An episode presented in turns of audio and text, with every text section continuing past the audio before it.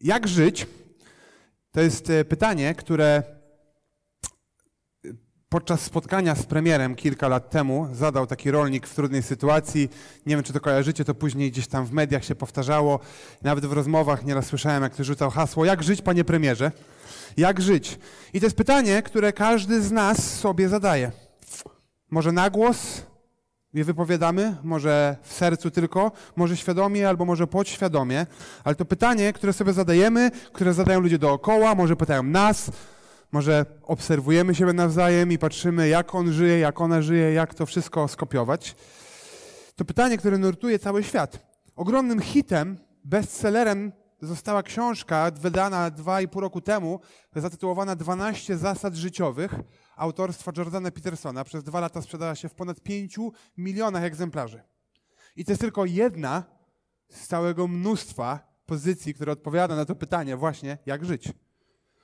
I on daje 12 prostych, praktycznych zasad dla życia. E, takie bardzo praktycznie. Pierwsza brzmi e, pilnuj sylwetki, plecy proste, e, ramiona wyciągnięte, więc ja teraz mogę spróbować ją zastosować. I pojawia się pojawia się pytanie, skąd taka ogromna popularność tych zasad życiowych?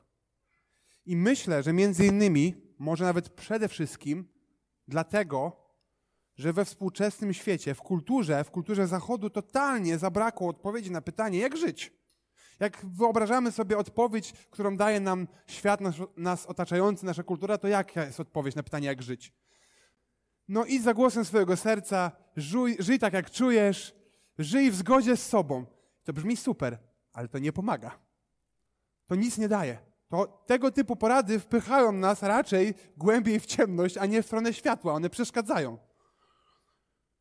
Dzisiaj nie będziemy studiować 12 zasad życiowych Petersona, ale 800 zasad życiowych Salomona. Więc e, może podobnie. I muszę przyznać, że nawet po przeczytaniu księgi Salomona, po raz, e, przypowieści Salomona po raz kolejny w tym tygodniu, zajrzałem do tych 12 zasad Petersona i tam one są dosyć podobne, także nie wiem, czy to przypadek. Chyba nie. A więc jak żyć? I myślę, że może udajemy przed sobą czy przed światem, że mamy to ogarnięte wszystko, ale nie mamy. Musimy sobie to pytanie zadać i musimy znaleźć odpowiedź, która wykracza poza to, co mi się wydaje, poza to, co, mi, to, co czuję, to, co widzę u sąsiada. I dzisiaj właśnie ta księga odpowiada na to pytanie, niejako. W 40 minutach spróbujemy omówić ją całą, przejdziemy przez jej treść i w trakcie, gdy będziemy przechodzili przez jej treść, to pojawi się nie 800, nie 12, a 10 zasad. I one będą pojawiały się, uwaga, na slajdach. Także druga zasada życiowa, rób slajdy. E, i zanim to jeszcze kilka słów o gatunku. My jesteśmy w literaturze tak zwanej mądrościowej, księga przypowieści przede wszystkim, księga Joba, księga kaznodziei Salomona, czyli Koheleta. To są trzy główne księgi, które są przedstawicielami tego gatunku. Księgę Joba omawialiśmy, ona jakby, mamy zderzenie życiowej, trudnej sytuacji z tymi ogólnymi twierdzeniami na temat Boga. W księdze kaznodziei mamy szersze obserwacje na temat świata, takie uświadomienie sobie, że wszystko jest e, kruche, a przypowieści to zachęta. Szukaj mądrości i dużo konkretnych porad. Ale to nie wszystko. Mamy pieśń nad pieśniami, psalmy mądrościowe, nauczanie Jezusa, nauczanie Jakuba. I te trzy księgi są różne, ale wszystkie mają bardzo praktyczny, pouczający charakter i one widać, że są inne troszeczkę od tego, co normalnie w Biblii widzimy. Są inne od prawa i proroków. One nie odnoszą się do historii narodu wybranego, nie mamy tutaj bezpośrednich nakazów od Boga. Są takie bardziej przyziemne, można powiedzieć, może humanistyczne, ale z drugiej strony, zanim nie pójdziemy za daleko, to to nie są po prostu porady, takie jak dzisiaj możemy znaleźć na półkach księgarni. To są autorzy, którzy odnoszą się do Bożego autorytetu. To nie jest zwykła mądrość, to też nie są przypadkowi ludzie. W przypadku przypowieści mamy do czynienia z królem Salomonem. Król, który jest obdarzony mądrością przez Boga, wyjątkowym, e, e, wyjątkową postacią, autor wielu przysłów i pieśni, i autor większości przysłów w tej księdze. I księga ostatecznie skomponowana jest później, ale mamy tutaj mądrość też innych Izraelitów. Wszystko w ten styl mądrości Salomona się wpisuje. No więc, jak traktować tą księgę? Zaraz powiemy o jej treści, ale jeszcze we wstępie, jak traktować, o co chodzi. I przypowieści są czymś jakby na styku boskiego, nadprzyrodzonego fundamentu i takich praktycznych ludzkich obserwacji. I ta mądrość pojawia się i w Starym, i w Nowym Testamencie. obok tego prawa przekazywanego przez e, jego proroków w otoczeniu nadprzyrodzonych wydarzeń. I jeśli byśmy je wyrzucili, pominęli, zabrali, to bardzo możliwe, czytając Biblię, że zabraknie nam czegoś. Że zabraknie nam czegoś, co powiąże naszą codzienność z Bożym charakterem. Może wmówimy sobie, jak wyrzucimy tą mądrość, może wmówimy sobie, że jest jakieś sakrum i jakieś profanum. Że Bogu chodzi w nie, rzeczywiście o nasz śpiew niedzielny, chodzi mu o emocje, które są na chrześcijańskich konferencjach, o nasze pół godziny rano z Biblią, ale jest mniej zainteresowany naszą pracą, naszymi relacjami, naszą codziennością. Bogu chodzi o to i o to.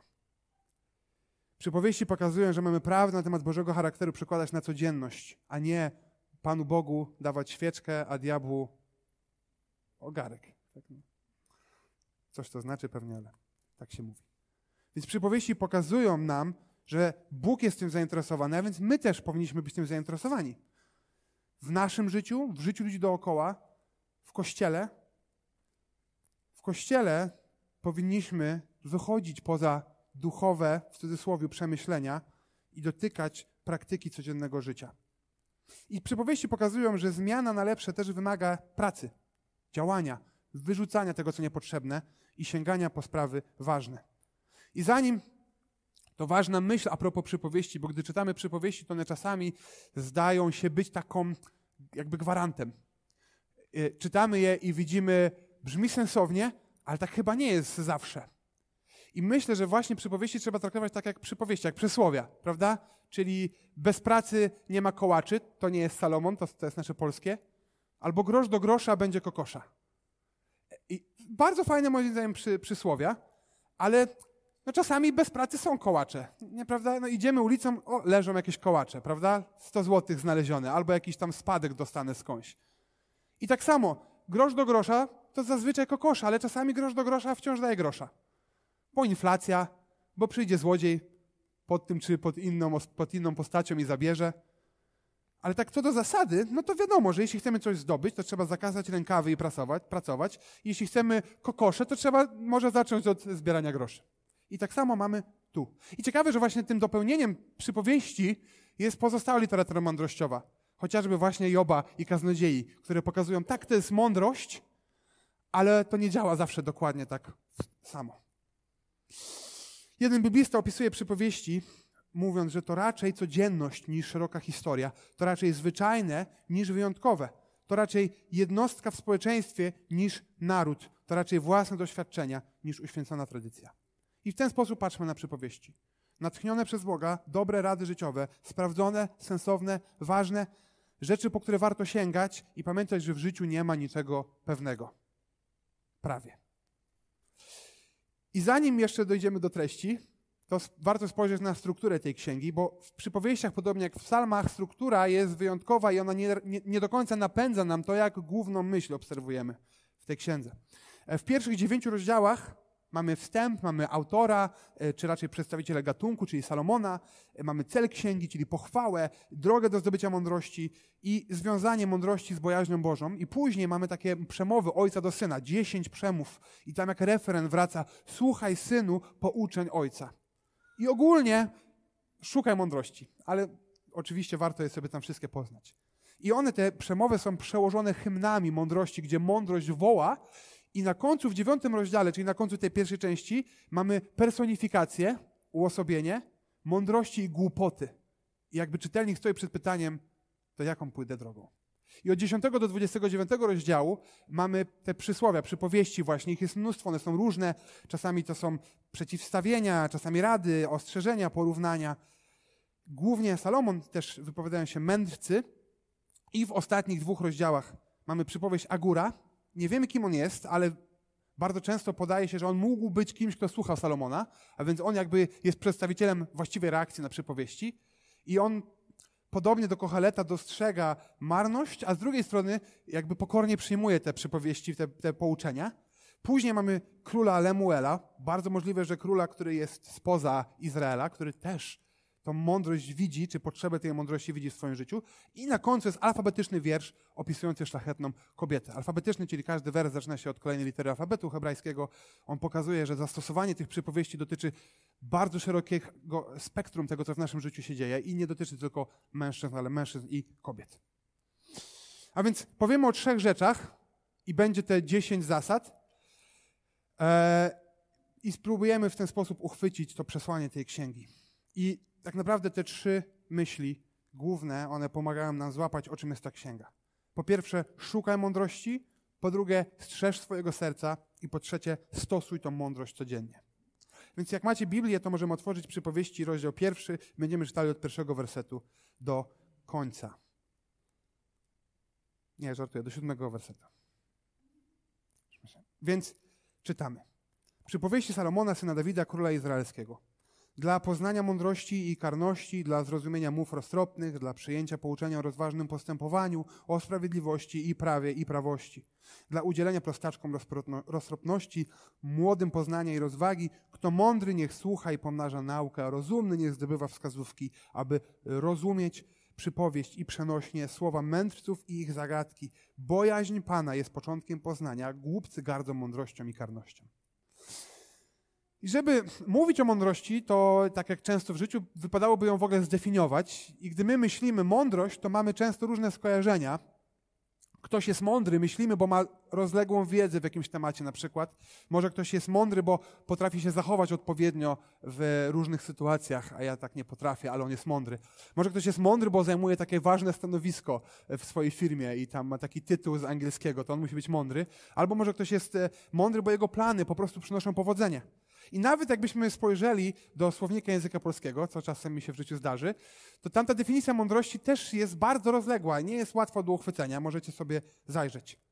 Więc mądrość to nie jest to samo co wiedza, aczkolwiek wiąże się z mądrością umiejętne stosowanie tej wiedzy. Mądrość to nie jest to samo co doświadczenie, ale doświadczenie, z którego dobrze korzystam. Mądrość to nie jest to samo co zaradność, to nie jest radzenie sobie, ale może radzenie sobie według Bożej, a nie własnej woli. I to, co jest ważne w biblijnej perspektywie, gdy uczymy się tym, czym ta mądrość jest, to to, że właśnie mądrość nieodłącznie jest związana, nierozłącznie jest związana z bojaźnią Pana. 1,7 czytaliśmy, bojaźń Pana jest początkiem poznania, głupcy gardzą mądrością i karnością. Ale w dziewiątym rozdziale, czyli na początku i na końcu w tej całej wstępnej części do, e, do tych przypowieści, w 9-10, początkiem mądrości jest bojaźń Pana, a poznanie świętego to rozum. Ale nie tylko tu. Księga Kaznodziei, Księga Joba, Psalm 111, to samo. I pomimo, iż Księga Przypowieści jest taka bardzo przyziemna, byśmy powiedzieli, praktyczna, to autor upewnia się, że tych fundament, tych pozyskiwania mądrości, czyli stosowania tych porad w moim życiu, których jest tam sporo, jest właściwie zakorzeniony. Że nie szukam tej mądrości dla zysku, realizacji jakichś moich ambicji. Że nie motywuje mnie jakiś wyścig szczurów, w którym się gonię z innymi dookoła, że nie chodzi o mnie. Nie chodzi o rezultaty, ale chodzi o Boga. Wczoraj, słuchając sobie muzyki w domu wyłapałem taką e, głęboką mądrość znanego mędrca naszych, e, naszych czasów. E, nie wiem, czy dobrze się to wymówię teraz. Justina Biebera, e, który takie mądre, ale proste słowa powiedział. Nie stworzyliśmy siebie sami, więc potrzebujemy Stwórcy. Myślę, że takie mądre. Największą głupotą ludzką jest lekceważenie Boga.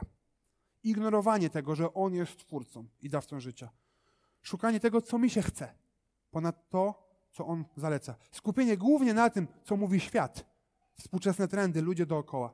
I mędrcy, czy to Salomon, czy Justin Bieber, czy może Elon Musk, czy tam ktokolwiek inny jest dla was e, mędrcem, oni mogą wnosić dużo do naszego życia. Ja nie mogę z tego, że tam Justina wrzuciłem. Okej, okay. więc oni mogą wnieść dużo do naszego życia, niektórzy mniej, niektórzy więcej. I może słuchamy kogoś, kto tą mądrość ma w kwestii wychowania dzieci, w kwestii prowadzenia biznesu, w kwestii edukacji, diety i sportu i tak dalej, i tak. Ale musimy zawsze być ostrożni w karmieniu się ludzką mądrością. Mądrością, która stawia mnie w centrum, która skupia się na tych takich naturalnych zasadach świata, która wspiera moje najlepsze życie tu i teraz. Na to trzeba uważać. Początkiem, Psalm 111:10, początkiem mądrości jest bojaźń Pana. Wszyscy, którzy ją okazują, są prawdziwie mądrzy. Dlaczego? Bo chwała Jego trwa na wieki. Jego chwała trwa na wieki. Jego. Nie tych wszystkich mędrców, których już nie będę wymieniał. Jego. Więc jak ja w moim sercu traktuję Boga? Jak o nim myślę? Jak go postrzegam?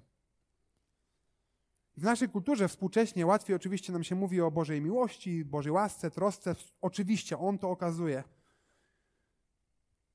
Ale jeśli nie boję się Boga, nie szanuję Jego istnienia, Jego władzy, Jego autorytetu, jeśli nie zgłębiam Jego potężnej natury, jeśli myślę, że moje życie tak naprawdę jest w moich rękach, jeśli nie traktuję Jego poważnie w moim procesie myślowym na temat biznesu, pracy, relacji, rodziny, wolnego czasu, służby, to nie będę, nie będę wykazywał się prawdziwą mądrością. I tu się pojawia pierwsza, do kolejnych dojdziemy szybciej, zasada. Zaufaj Bogu ponad wszystkim innym. Dostrzeż, że sam sobie w życiu nie poradzisz. Zaufaj w Boży, po pierwsze Boży plan ratunku, który jest w Chrystusie i stale do Bożej łaski wracaj. Pamiętaj o Jego wielkości, o Jego sprawiedliwości, o Jego potędze, ale też o Jego miłosierdziu, które widzimy na krzyżu. I czytając ten pierwszy rozdział, widzimy, że pierwszą oznaką mądrości jest w ogóle to, że jej szukamy. Kto mądry, w piątym wersecie widzimy, niech słucha i pomnaża naukę, a rozumny niech zdobywa wskazówki. I to brzmi trochę jak manipulacja. E, jak się włączy czasami jakieś takie filmiki takich coachów, to oni mówią, wszyscy inni ludzie to są owce, a ty podjąłeś właściwą decyzję, jesteś tu, podjąłeś pierwszy krok do wolności finansowej, czy tam czegoś, nie wiem, co tam próbują wam sprzedać. Ale to nie jest słodzenie słuchaczowi, ale raczej wskazanie na uniwersalną potrzebę mądrości. Bo ludzie, którzy są mądrzy, oni się nie rodzą mądrymi, tylko ją nabywają. I pierwszym krokiem, żeby tą mądrość nabyć, to świadomość, że jej potrzebuje. I głupi powie, dam sobie radę bez niej. A mądry wie, że musi słuchać i ją pomnażać. I ta zachęta pojawia się na początku i przewija. Drugi rozdział, 4 do 5, e, przepraszam, do 6. Jeśli szukać jej będziesz, mądrości jak srebra i poszukiwać jej jak skarbów ukrytych, wtedy zrozumiesz bojaźń Pana i uzyskasz poznanie Boga. Gdyż Bóg daje mądrość, z Jego ust pochodzi poznanie i rozum. W Nowym Testamencie, w liście Jakuba w pierwszym rozdziale jest dokładnie ta sama myśl. Jak komuś brakuje mądrości, niech prosi, niech prosi z wiarą, a na pewno otrzyma. I to dla nas jest niesamowicie ważna obietnica. Szukaj mądrości, a na pewno ją znajdziesz. Szukaj mądrości, a na pewno ją znajdziesz. Ale uwaga, nie mieszajmy pojęć. Nie szukaj sukcesu, realizacji swoich planów, eksperckiej wiedzy w jakiejś dziedzinie, czy odpowiedzi na każde trudne pytania. Tutaj nie ma gwarancji. Ale jeśli brakuje mi bojaźni Bożej, to mam o nią zabiegać i Bóg ją da. Gdy brakuje mi mądrości, mam prosić z wiarą i On ją da czy właściwie cenię tą mądrość. Trzecim rozdziale od 13 wersetu czytamy: Błogosławiony człowiek, który znalazł mądrość, mąż, który nabrał rozumu, gdyż nabyć ją jest lepiej niż nabyć srebro. I zdobyć ją znaczy więcej niż złoto. Czy w to wierzymy? Jest cenniejsza niż perły, a żadne klejnoty nie dorównają jej wartości. Oczywiście, jak nas zapytam tutaj, to wszyscy powiemy, nie no Łukasz, oczywiście, cenię mądrość. No, to jest jasne, prawda? Mądrość jest ważna. Chcę być mądry, a nie głupi. To było łatwe pytanie. Jasne. Ale potem przychodzi życie i patrzę wstecz na swój dzień albo tydzień i miesiąc i myślę, o losie, ale byłem głupi. Albo przychodzi trudniejsza sytuacja w moim życiu i może mam nagromadzone perły, ale widzę, że no, przydałoby mi się więcej mądrości mieć w tej sytuacji. Może przemyśleć coś wcześniej, może pozyskać tą wiedzę od kogoś, nauczyć się czegoś. Bo jeśli cenię mądrość, jeśli wiem, że w życiu chodzi o coś więcej niż o przeżycie, jeśli wiem, że moja postawa ma znaczenie dla mnie, ale też dla innych, to ja będę mądrości szukał, ja będę o nią zabiegał, a nie czekał, aż ona niechcący gdzieś tam między wierszami mi spadnie. I przestanę w związku z tym zabiegać o niektóre rzeczy. Przestanę cenić to, co tylko pozornie jest cenne. Więc druga zasada, jaką mamy, jest taka, że my mamy szukać Bożej mądrości wytrwale. Wytrwale. I ta mądrość zaczyna się od bojaźni Bożej. Jeśli dostrzegam jej wartość, to będzie to widać w tym, jak układam swój czas, swoje priorytety. Więc zadajmy sobie uczciwie pytanie, czy jej szukamy, albo może jak tej mądrości szukam w moim życiu i jak mogę zacząć robić to lepiej. To o tym możemy porozmawiać już po. Szukaj, Po drugie, strzeż swojego serca. I ta druga myśl naturalnie, nie, ma, to nie jest jeszcze zasada, ta druga myśl naturalnie wiąże się z pierwszą. Bo mówiąc o szukaniu mądrości, widzimy jej związek z bojaźnią Bożą i ta bojaźń Boża, czyli pokorne przychodzenie do Boga, ona sprawia, że Bóg bada nasze serca. W 17 rozdziale widzimy niesamowity wers, w trzecim wersecie w przypowieściach. Tygiel wytapia srebro, a piec złoto, lecz Pan bada serca. I to znowu brzmi może ładnie, ale co to znaczy? Po pierwsze, serce to nie jest to, co e, nam przychodzi na myśl. Serce to, to nie są uczucia, organ w naszym ciele, który jest odpowiedzialny za zakochiwanie się. Ale w biblijnym e, słowniku serce jest tożsame z naszym ośrodkiem decyzyjnym. One jest tożsame z naszymi pragnieniami, które napędzają nasze życie, z naszymi myślami, które potem rzutują na naszą postawę. To są zasady, które przekładają się na naszą codzienność. I czytamy, że Pan nie złoto, nie srebro, Pan bada serce. Ale czytamy też o tym w przypowieściach jako o naszym zadaniu. Czytamy pilnuj duszy, pilnuj swojej drogi, czytamy strzeż swojego serca. I po pierwsze, to strzeżenie naszego serca oznacza oczywiście to, żeby pozwalać Bogu, aby je naświetlał. Żeby zadawać sobie pytanie o to, czego pragnę, o czym myślę, o to, jak żyję i dlaczego tak jest. Pozwalać, aby Boże Słowo było rzeczywiście lustrem, w którym się rzeczywiście przeglądam. I nie bać się chrześcijan, którzy nas zagadują, jak tam Twoje życie duchowe, zamiast zapytać tylko, co tam w pracy. Więc trzecia zasada dzisiaj, którą mamy, jest taka, że mamy zabiegać o to, aby Bóg badał nasze serce. Tygiel wytapia srebro, a piec złoto, lecz Pan bada serce. I to badanie w tym fragmencie, to sprawdzanie, tak, ale nie tylko. Bo to badanie może też, to słowo może znaczyć też testowanie, próbowanie. Zresztą to wytapianie srebra i złota obrazuje, że nie chodzi tutaj tylko o to, żeby sprawdzić, czy coś jest dobre, czy złe, ale żeby sprawdzić i oczyszczać to wytapianie, czyli to sprawdzanie, ono się przekłada w naszym życiu na działanie. I dokładnie taką logikę widzimy w przypowieściach. Pan bada serca, dlatego to jest dla niego ważne, więc ty pilnuj swojego serca. I z drugiej strony, jeśli chcesz pilnować swojego serca, jeśli chcesz rzeczywiście o nie zadbać, to przyjdź do tego, który je bada. I to jest ciekawe, bo przypowieści Salomona mówią o tym, ale to przecież nie jest modlitewnik. Znaczy inaczej, no można to może tak stosować, nie spotkałem się jeszcze, ale to nie jest modlitewnik, ale ogromna lista praktycznych porad i wskazówek. To działanie, to konkretne kroki. Ale to nie są jakieś trzy rzeczy, które mogę wam dzisiaj podać i powiemy sobie wszyscy, jak je zrobię, to dbam o moje serce. I nie dlatego, wydaje mi się, nie dlatego, że jeszcze ich nie znalazłem, tych trzech rzeczy, ale dlatego, że to jest całe nasze życie. Całe nasze życie z Chrystusem to jest e, codzienność, w którym on bada nasze serca, a my zabiegamy, aby to serce właśnie, y, abyśmy go strzegli cały czas.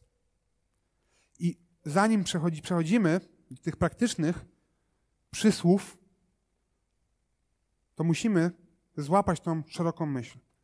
Szukanie mądrości oznacza, że myślę o motywacjach moich, o moich pobudkach. Oznacza, że skupiam uwagę nie najpierw na działaniu, ale dbam w tym o moje serce, o moją postawę i chcę szukać tego, co Boże, nie co moje. I to jest ważne, żebyśmy o tym powiedzieli szczególnie w przypadku takiej księgi, bo to jest coś, w czym nam bardzo łatwo się pogubić. Gdy myślimy my o tym, co się Bogu podoba, to zazwyczaj o czym myślimy? Tworzymy listę jakichś takich religijnych obowiązków, zadań, powinności.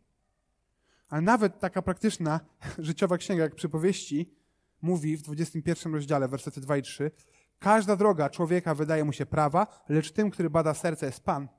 Wykonywanie sprawiedliwości i prawa milsze jest Panu niż krwawa ofiara. Milsze. Prawdziwa Boża mądrość sprawia, że ją szukam, że jej doceniam, że ona zmienia to, jak wygląda moje życie. Ale to jest coś głębszego niż dobre rady. Bo w pełni Jego mądrość objawiona jest w Jego charakterze. W tym, który jest uosobieniem tej pełnej boskości.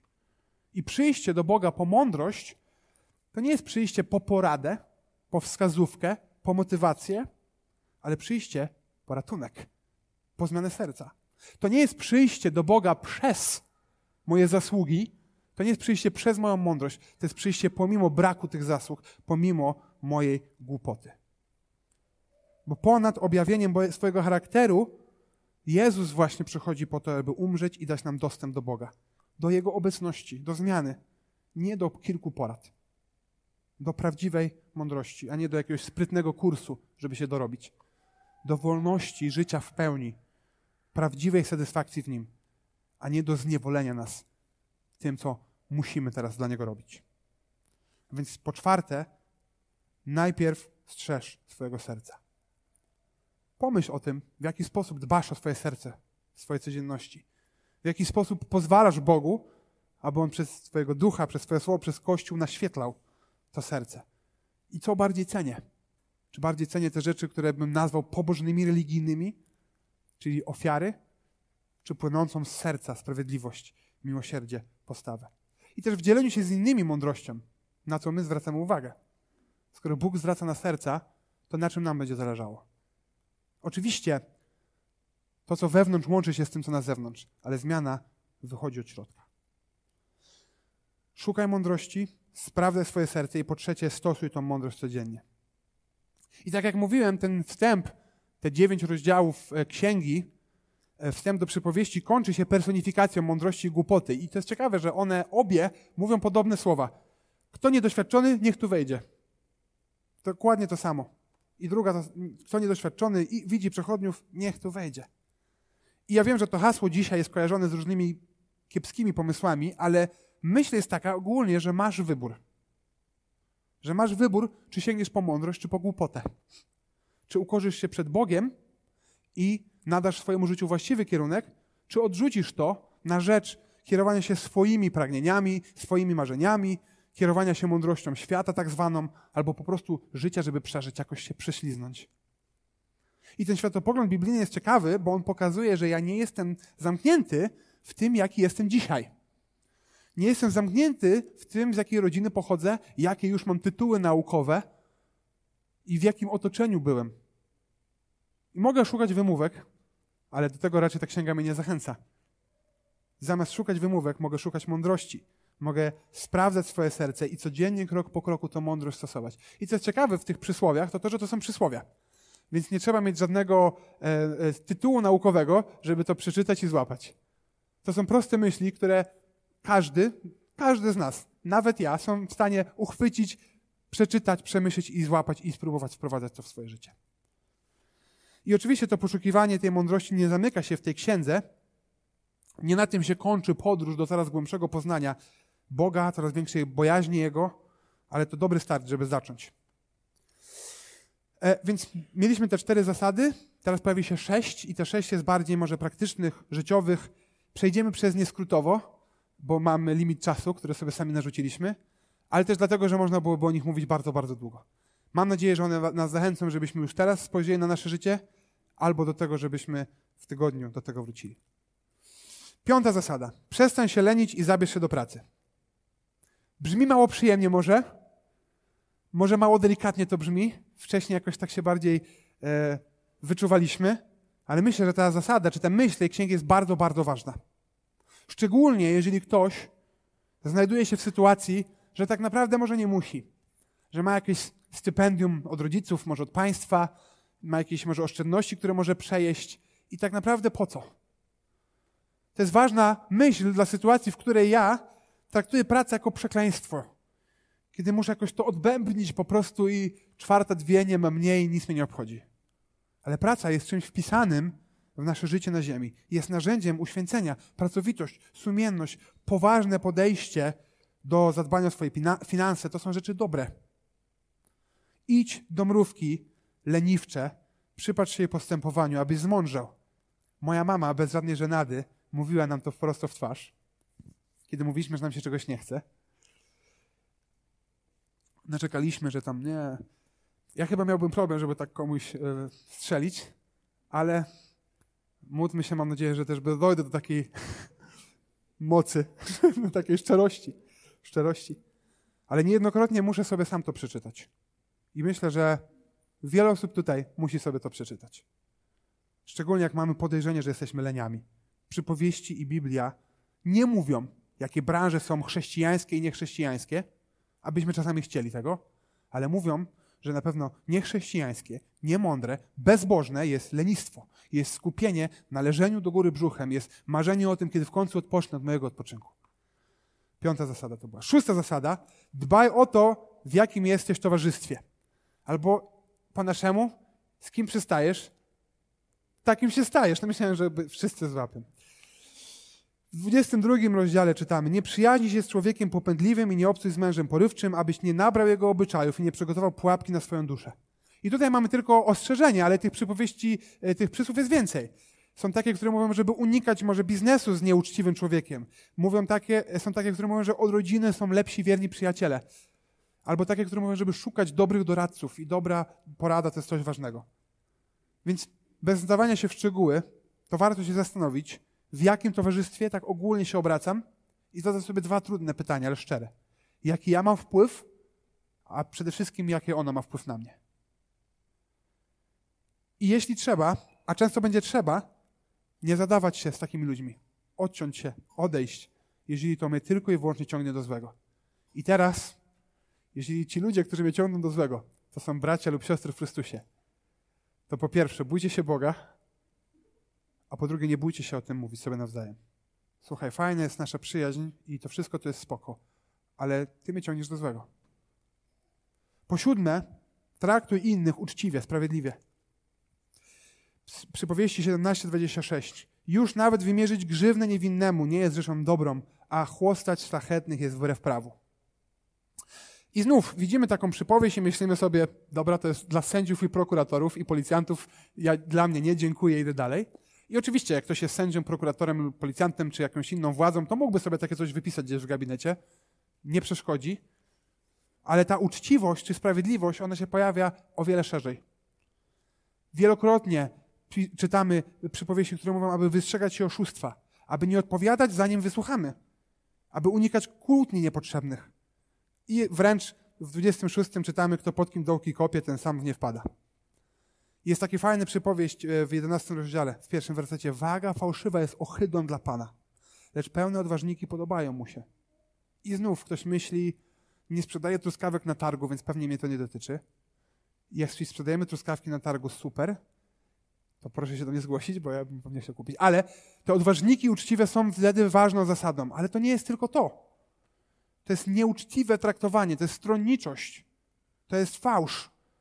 To jest niepoważne, pogardliwe, samolubne traktowanie drugiej osoby. To jest okłamywanie, obmawianie, obśmiewanie, ocenianie kogoś ze względu tylko na to, co pozorne.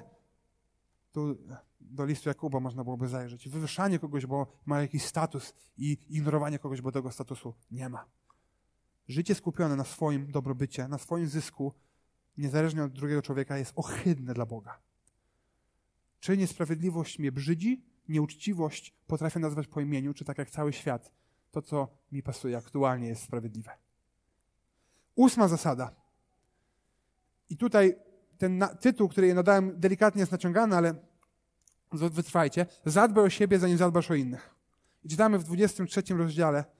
Nie bywaj wśród upijających się winem lub obżerających się mięsem, gdyż pijak i żarłok ubożeją, a ospali chodzą w łachmanach.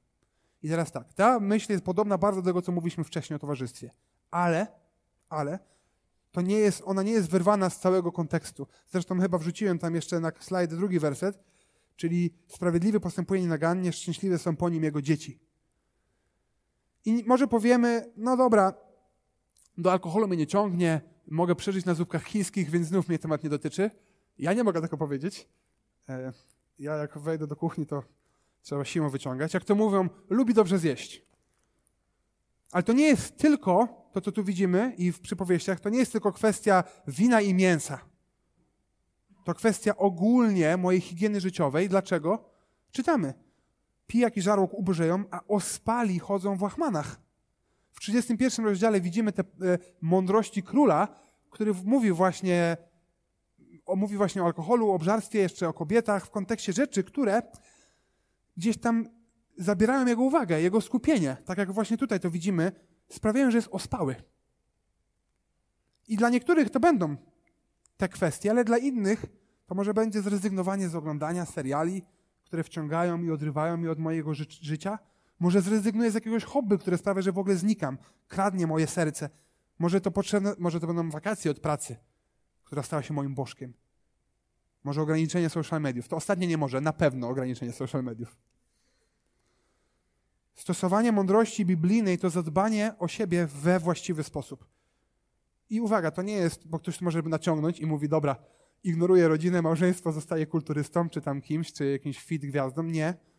To nie jest spełnianie swoich, swoich zachcianek, ale to troska, żeby nie być, tak kolokwialnie mówiąc, zamulonym konsumpcją. Sprawami zewnętrznymi, powierzchownymi, ale mieć wyostrzone zmysły na, na dbanie o sprawy Boga. Zostały ostatnie dwie. Wyrobimy się w 40 minutach. Dziewiąta zasada. Dbaj o swoje małżeństwo, zamiast chodzić na skróty. Kto znalazł żonę, 18-22, znalazł coś dobrego i zyskał upodobanie u Pana. I to jest taka fajna zachęta. W innym miejscu jest napisane, że roztropna żona jest darem od Boga. Ale jest mnóstwo przypowieści, które są ostrzeżeniem. Ostrzeżeniem przed cudzołóstwem. Które E, zachęcałem, żeby być czujnym wobec rzeczy, które do tego mogą prowadzić. I można po prostu te myśli na temat dbania o małżeństwo i o skupienie na swojej na żonie, a nie na, na cudzej, zapisać, ale sam muszę przyznać, że gdy to czytałem w tym tygodniu, to raczej nie miałem myśli nie unikać zdrady, ale od razu pojawia się dużo myśli o małżeństwie w ogóle, o to, jak o nie dbam. Nie tylko uciekam od grzechu, ale biegnę do świętości. Pojawiają się myśli od razu wdzięczności za małżeństwo, które dostałem. Poczucie odpowiedzialności, jakąś aktywną troskę, a nie tylko u, odwracam wzrok, bo coś. To zachęca do przebijania się przez zmęczenie i chodzenie na skróty, do opartego na bojaźni Bożej traktowania małżeństwa. I dziesiąte, poważnie potraktuj wychowanie swoich dzieci. Ja wiem, że ostatnie dwa mogą być dla kogoś nieaktualne, bo nie, ma, nie jest w małżeństwie albo nie ma dzieci, ale nieprawda. Nie mam dzisiaj na to czasu, ale jak nie, jest, nie mam dzieci, e, e, to dziesiąta zasada też mnie dotyczy. Jak nie mam, e, jestem jeszcze w małżeństwie, dziewiąta też mnie dotyczy, ponieważ mogę zadbać o swoje serce w tym zawczasu. Przypowieści 29:17. Karć swojego syna, a oszczędzi ci niepokoju i sprawi rozkosz twojej duszy. I to jest jeden z fragmentów. Niektórych tych fragmentów jest, tych fragmentów jest więcej. Są takie, które mówią o rózdze albo w ogóle o karach cielesnych są takie, które dają zachętę, pokazują, jakim błogosławieństwem jest dobry, że wychowany syn. I absolutnie nie musimy wchodzić w szczegóły metod wychowawczych, na ile symboliczna jest ta rózga e, w przypowieściach. Może niektóre pomysły czy metody wychowania są lepsze, inne gorsze, ale mamy zaufać Bożej mądrości i zamiast chodzić na łatwiznę, uczyć dzieci dobrych wartości i zasad.